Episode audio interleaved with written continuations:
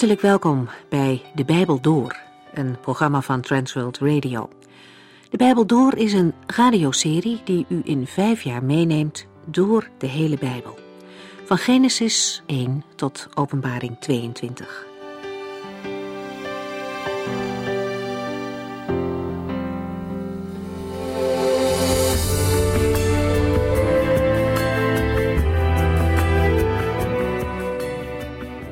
Als u deze serie volgt en misschien vragen heeft, kijkt u dan even op onze website transworldradio.nl. Bellen tijdens kantooruren kan natuurlijk ook 0342 478432. We zijn inmiddels bezig met 1 Thessalonicense. Het slotvers van hoofdstuk 3 verwijst naar twee dingen. Het besef dat de Heer Jezus zal terugkomen, dat ons moet aansporen om onze dagen op deze aarde heilig en vol geloof te leven. Deze twee thema's zien we in hoofdstuk 4 terug. Paulus begint met hele praktische opdrachten en gaat in de tweede helft door over de komst van de Heer. De toon waarop de apostel de gelovigen aanspoort om als christen te leven is opvallend. Hij vertelt hen dat hun leven tot eer van God is. Ze gedragen zich al zo dat God er vreugde aan beleeft. En ga daarmee door, zegt Paulus. En doe het nog meer. Wanneer je een kind een complimentje geeft, omdat hij bijvoorbeeld zijn kamer goed heeft opgeruimd, dan zie je vaak een blij gezicht en hij zal er met des te meer ijver nog meer voor zorgen dat zijn kamer opgeruimd blijft. En dat is in feite wat Paulus bedoelt. Hij complimenteert en spoort aan om door te gaan met het goede werk. Concreet spreekt Paulus over drie dingen: trouw in het huwelijk, broederliefde en je eigen boterham verdienen. In de vorige uitzending hebben we uitgebreid stilgestaan bij het belang van trouw in het huwelijk. Paulus tekent een scherpe tegenstelling tussen het christelijk huwelijk en de gewoonte van mensen die geen christen waren. De seksuele moraal van het Romeinse keizerrijk was van een laag pijl. In onze maatschappij en in onze wereld is dat helaas niet veel anders. Seksuele zonden brengen altijd schade aan, in families, maar ook in kerken en ook in gemeenten. En ten diepste raakt losbandigheid God zelf. De boodschap is dan ook dat christenen anders moeten zijn. Een keuze voor trouw en heiligheid in het huwelijk is tot eer van God en tot zegen voor de omgeving. We lezen verder in 1 Thessalonicense 4.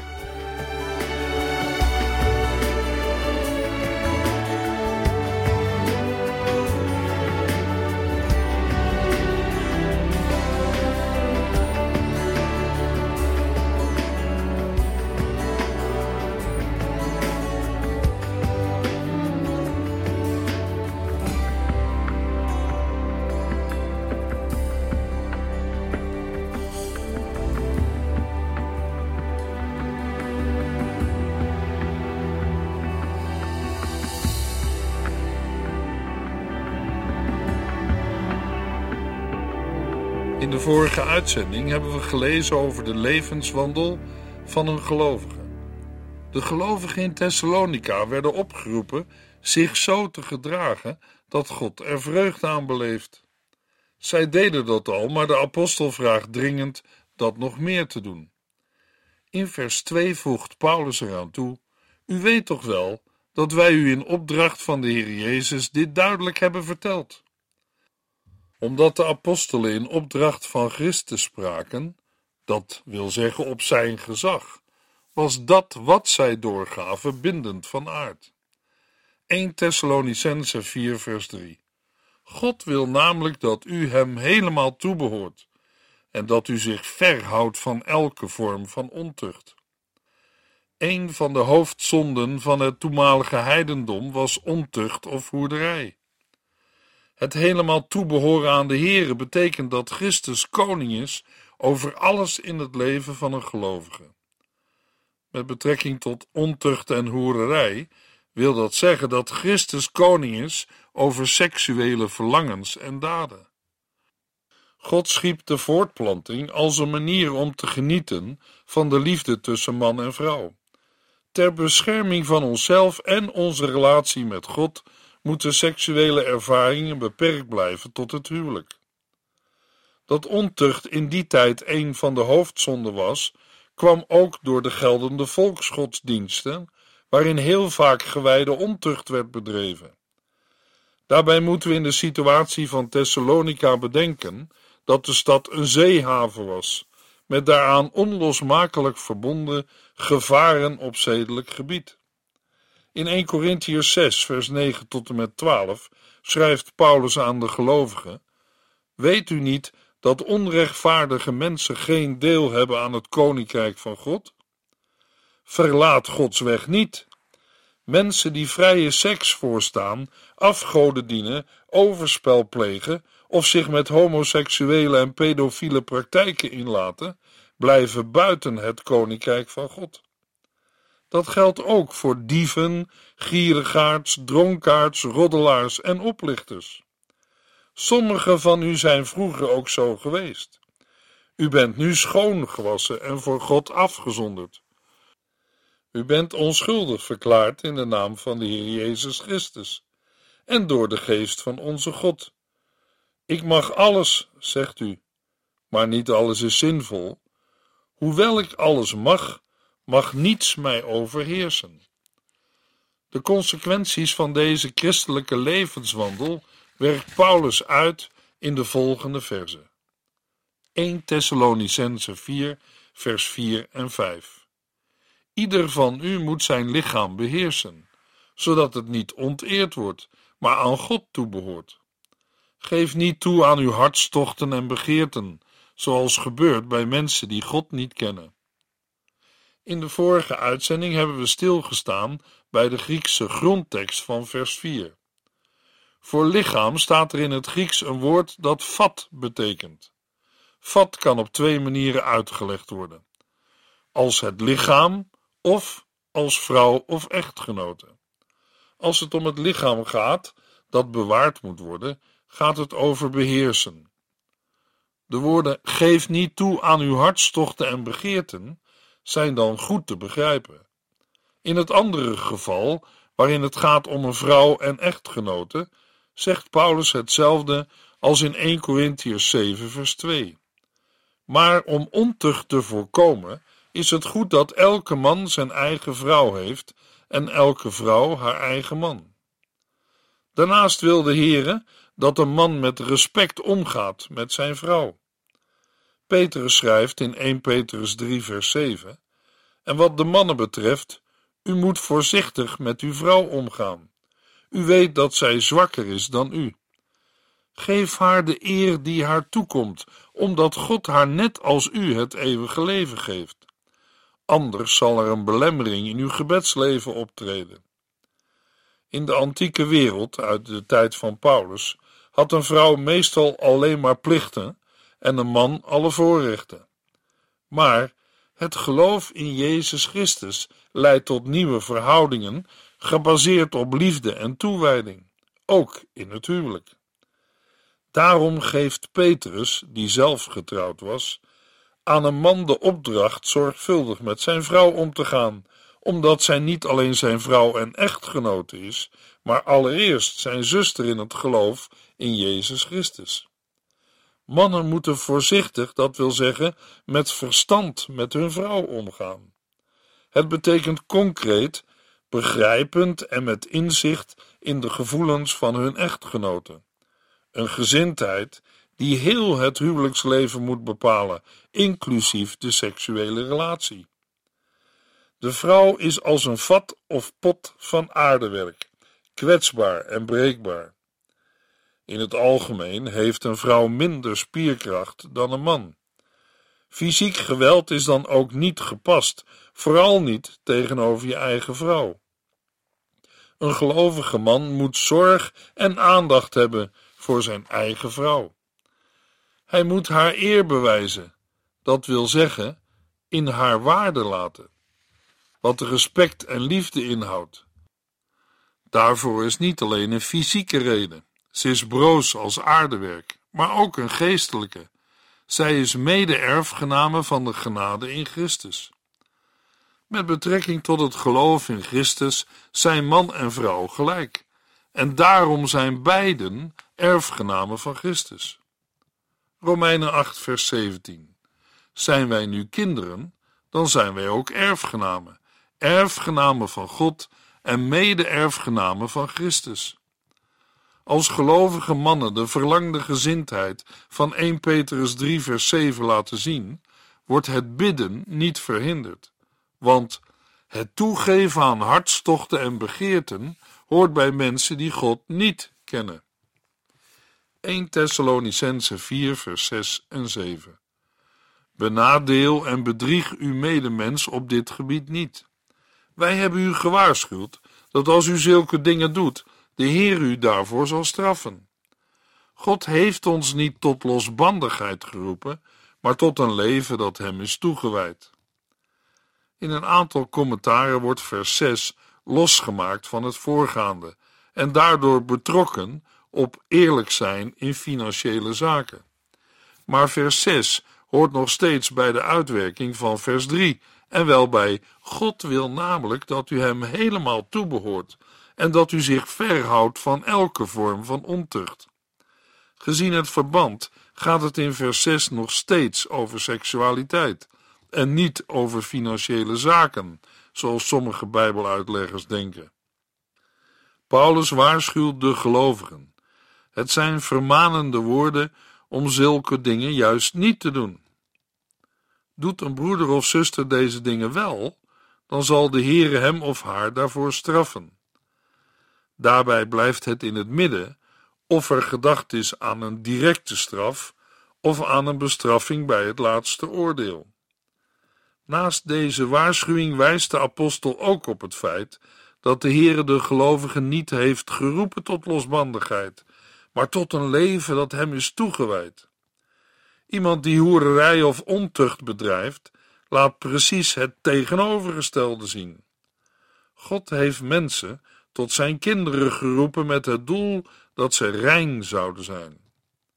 Heiliging is het resultaat van onze roeping en is, anders dan in 1 Thessalonicense 4 vers 3 en 4, een daad van God, met de consequentie dat een gelovige overeenkomstig deze heilige staat zal gaan leven. 1 Thessalonicense 4 vers 8 Wie dit afwijst, is niet ongehoorzaam aan mensen, maar aan God, die ons zijn heilige geest geeft. Een kind van God kan niet in de zonde blijven leven.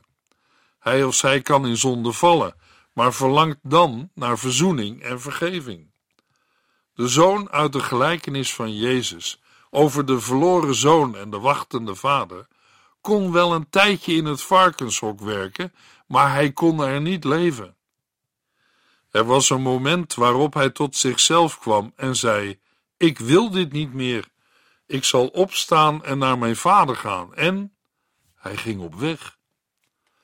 Luisteraar, willen wij, u, jij en ik, gehoorzaam zijn aan God? Iemand zal zeggen of denken: Maar dat kan ik niet.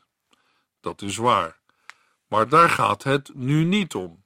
Het gaat er nu om of wij ervoor kiezen om gehoorzaam te willen zijn aan de Heer. Een mens die niet wil gehoorzamen, wijst daarmee alle goede raad en vermaning van de Heer God af. Dat de mens vanuit zichzelf de Heer niet kan gehoorzamen, weet Paulus maar al te goed. In Romeinen 7, vers 15 tot en met 25 brengt de apostel zijn inwendige strijd onder woorden. Mijn doen en laten zijn voor mijzelf een raadsel, want ik doe niet wat ik graag wil. Nee, ik doe juist dingen waar ik een hekel aan heb. Ik doe dus wat ik niet wil, en daaruit blijkt dat ik het met de wet eens ben en dat ik die juist vind. Wel, dan doe ik de slechte dingen niet zelf, maar de zonde die mij beheerst. Ik weet dat ik door en door slecht ben, tenminste wat mijn oude natuur betreft. Ik kan het goede niet doen. Ik wil het wel, maar ik kan het niet. Hoewel ik het goede wil, doe ik het niet. In plaats daarvan doe ik het slechte, en dat wil ik nu juist niet. Als ik doe wat ik niet wil, doe ik dat eigenlijk niet zelf, maar de zonde in mij. Zo ervaar ik steeds weer: als ik het goede wil doen, kan ik het niet laten het slechte te doen. In mijn diepste wezen wil ik heel graag doen wat Gods wet van mij vraagt. Maar ik zie dat mijn doen en laten daarmee volledig in tegenspraak is. Wat mijn verstand wil en mijn lichaam doet, is altijd in strijd met elkaar. De zonde leeft in mijn lichaam. Wat ben ik er ellendig aan toe? Wie zal mij verlossen uit deze vreselijke macht van de dood? Ik dank God dat er een uitweg is door Jezus Christus onze Heer. Om kort te gaan, ik sta met mijn verstand wel achter de wet van God, maar ben in mijn dagelijks leven onderworpen aan de wet van de zonde. Paulus weet het. Een mens kan vanuit zichzelf de Heere niet gehoorzamen. Daarom schrijft hij in 1 Thessalonicense 4 vers 8: God geeft ons zijn heilige geest. Gelovigen mogen dankbaar zijn voor de geweldige gave van de heilige geest. In 1 Corinthians 6 vers 19 en 20 schrijft Paulus dat ons lichaam een tempel van de heilige geest is. De heilige geest is aan de gelovige gegeven en woont in hem of haar. De Heer heeft alle gelovigen tegen de allerhoogste prijs gekocht. Zijn zoon gaf voor hen zijn leven. Door de Heilige Geest heeft de Heer ons een nieuw leven gegeven. Die geest heiligt de gelovigen door zijn inwoning. Daarmee roept de Heere gelovigen op zich als heiligen te gedragen. Daartoe geeft de Heilige Geest de gelovigen de kracht. 1 Thessalonicense 4 vers 9 Over de liefde van christenen onderling hoef ik u niet te schrijven. God zelf heeft u geleerd hoe u elkaar moet liefhebben. De versen 9 tot en met 12 zijn een verdere uitwerking van het onderwerp levensheiliging. In de versen 9 en 10a gaat het over de liefde van christenen onderling. In de versen 10b tot en met 12 over het verdienen van je eigen boterham. Met betrekking tot de genoemde zaken ziet Paulus zich niet genoodzaakt de gelovigen in Thessalonica scherp te vermanen. In het Grieks staat voor de woorden de liefde van christenen onderling een woord dat broederliefde betekent. Het begrip broederliefde werd in de Griekse wereld alleen gebruikt voor bloedverwanten. Uit het gebruik van het woord broederliefde blijkt dat de gemeente zichzelf zag als één grote familie, die allemaal zullen delen in dezelfde heerlijkheid die God aan zijn zoon Jezus Christus heeft gegeven. Dat het bij het woord broederliefde niet alleen om de broeders gaat, maar ook om de zusters, wordt duidelijk gemaakt met de woorden: Over de liefde van christenen onderling hoef ik u niet te schrijven. Dat Paulus de gelovigen in Thessalonica niet over de onderlinge liefde hoeft te schrijven, is een compliment. Hoe de apostel wist dat het met de broederliefde wel goed zat, hebben we gelezen in 1 Thessalonicense 1 vers 8, waar Paulus schrijft: Van u uit heeft het goede nieuws verder zijn weg gevonden, tot ver over de grenzen. Waar wij ook komen, horen wij over uw geloof in God. Uit andere brieven van Paulus blijkt dat dit niet van iedere christelijke gemeente kon worden gezegd. Aan hen moest wel over de onderlinge liefde worden geschreven. Aan de christenen in Galatië moet de apostel schrijven: Laten wij nooit ophouden met goed doen, want na verloop van tijd zullen we de zegen ervan oogsten, als wij het tenminste niet opgeven. Daarom moeten we altijd, als we daarvoor de gelegenheid hebben, voor iedereen het goede doen, in het bijzonder voor onze medechristenen. Ook aan de christengemeente te Kolosse geeft Paulus onderwijs op het gebied van de onderlinge liefde. We lezen in Colossense 3 vers 13 tot en met 15 Verdraag en vergeef elkaar als iemand iets tegen u heeft. Volg hierin het voorbeeld van Christus, die u zonder meer vergeven heeft.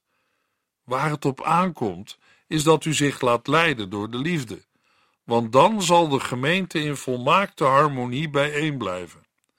Laat de vrede van God uw harten beheersen. Daartoe heeft God u ook geroepen, als leden van één lichaam. Wees daarom dankbaar. Paulus schrijft aan de Thessalonicenzen: God zelf heeft u geleerd hoe u elkaar moet liefhebben. Het woord dat de apostel gebruikt voor door God geleerd worden, is een nieuw woord. Als voormalig fariseer komt dit woord bij Paulus niet zomaar uit de lucht vallen, maar is het gebaseerd op teksten uit het Oude Testament. Vanuit het Nieuwe Testament denken we bij de woorden: God zelf heeft u geleerd hoe je elkaar moet liefhebben aan het werk van de Heilige Geest. Het is de Geest van God die direct in de harten van de gelovigen werkt en hen leert elkaar lief te hebben. Een uitdrukking die gelijk is aan broederliefde of de liefde van christenen onderling. De Heer Jezus gaf hetzelfde onderwijs aan zijn leerlingen, bijvoorbeeld in Johannes 13, vers 34 en 35. Dit is een nieuwe opdracht die ik jullie geef. Heb elkaar lief. Heb voor elkaar net zoveel liefde als ik voor jullie heb.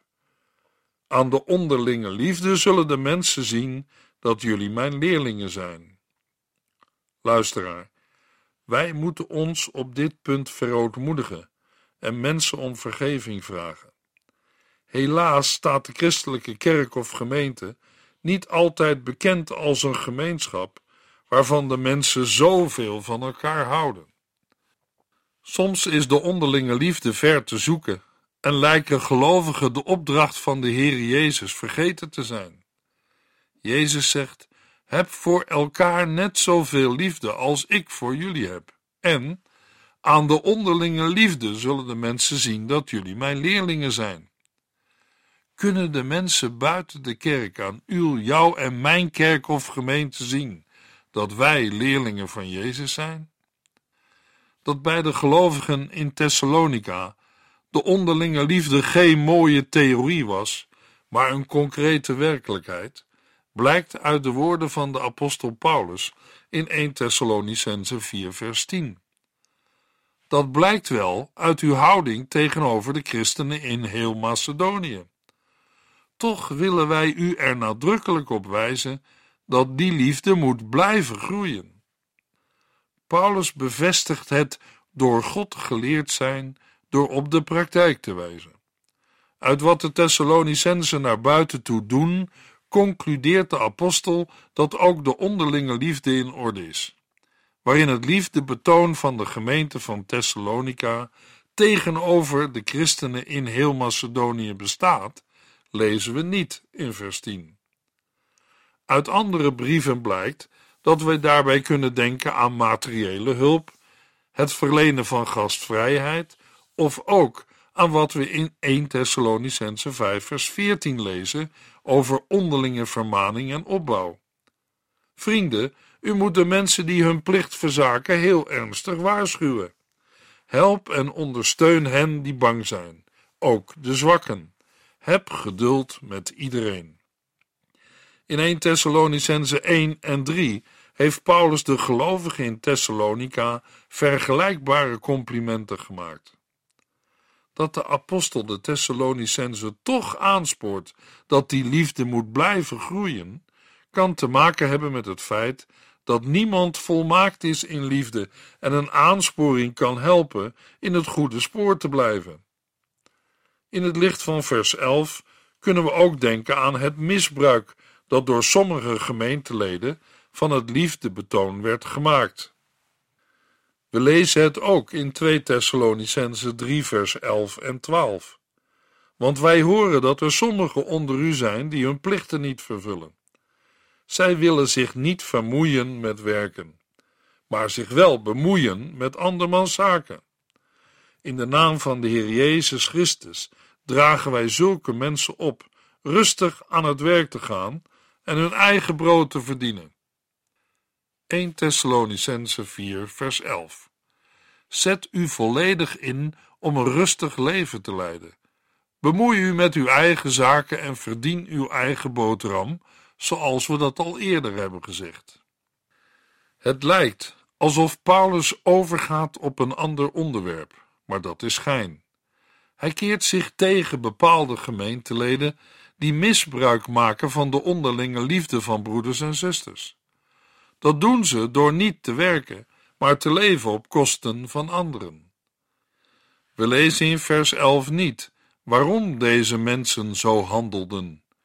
Maar na vers 12 volgt direct een gedeelte met onderwijs over de toekomst.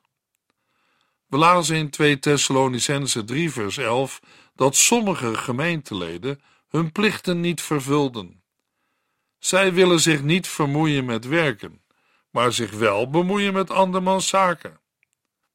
Uit de tweede brief aan de Thessalonicense wordt meer duidelijk dat het probleem van niet willen werken verband houdt met een verkeerde toekomstverwachting.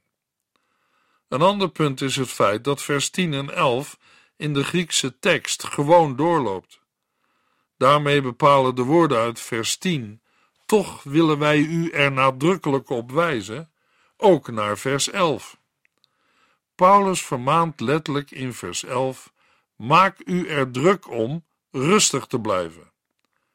Rustig blijven of een rustig leven leiden heeft betrekking op de rust in de gemeente. Verder zegt Paulus: bemoei u met uw eigen zaken. Daaruit maken wij op dat sommige gemeenteleden zich met zaken van de leiders uit de gemeente bemoeien, of in andere zin bemoeizuchtig waren. Aan het slot van vers 11 vraagt Paulus de gelovigen: verdien uw eigen boterham. In het Grieks staat letterlijk werk met eigen handen. Met werken bedoelt Paulus betaald werk doen. Met de woorden zoals we dat al eerder hebben gezegd, verzekert de apostel Paulus zijn lezers dat hij niets nieuws van hen vraagt. 1 Thessalonicense 4 vers 12 Dan zullen buitenstaanders u vertrouwen en respecteren, en u zult bij niemand uw hand hoeven ophouden. Het doel van Paulus' aansporingen en vermaningen is tweeledig. Buitenstaanders moeten een goede indruk van de christenen hebben. En alle christenen moeten proberen in hun eigen onderhoud te voorzien. Door de afwezigheid van sociale voorzieningen deden christenen in de tijd van Paulus vaak een beroep op hun medebroeders en zusters. In geval dat een gemeentelid niet wil werken, vindt de apostel dat niet terecht. In de volgende uitzending lezen we 1 Thessalonicense 4 vers 13.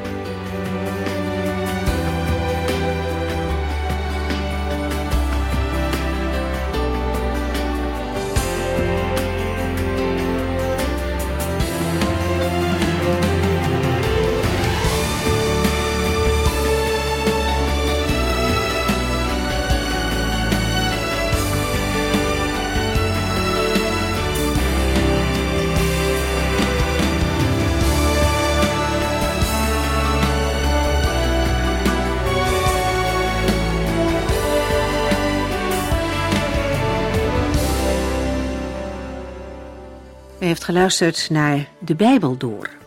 In het Nederlands vertaald en bewerkt door Transworld Radio. Een programma waarin we in vijf jaar tijd de hele Bijbel doorgaan. Als u wilt reageren op deze uitzending of u heeft vragen, dan kunt u contact met ons opnemen. Tijdens kantooruren kunt u bellen op 0342 47 8432. 0342 47 8432. 32. Ook kunt u een e-mail sturen naar de Bijbel door transworldradio.nl en natuurlijk kunt u ook via de post ons bereiken. TWR, postbus 371, postcode 3770, AJ in Barneveld. Dit programma werd gepresenteerd door Cor Weda en Ike André. Techniek was in handen van Odin van Woerdekom. En wij allemaal bedanken u voor het luisteren. Graag tot de volgende keer.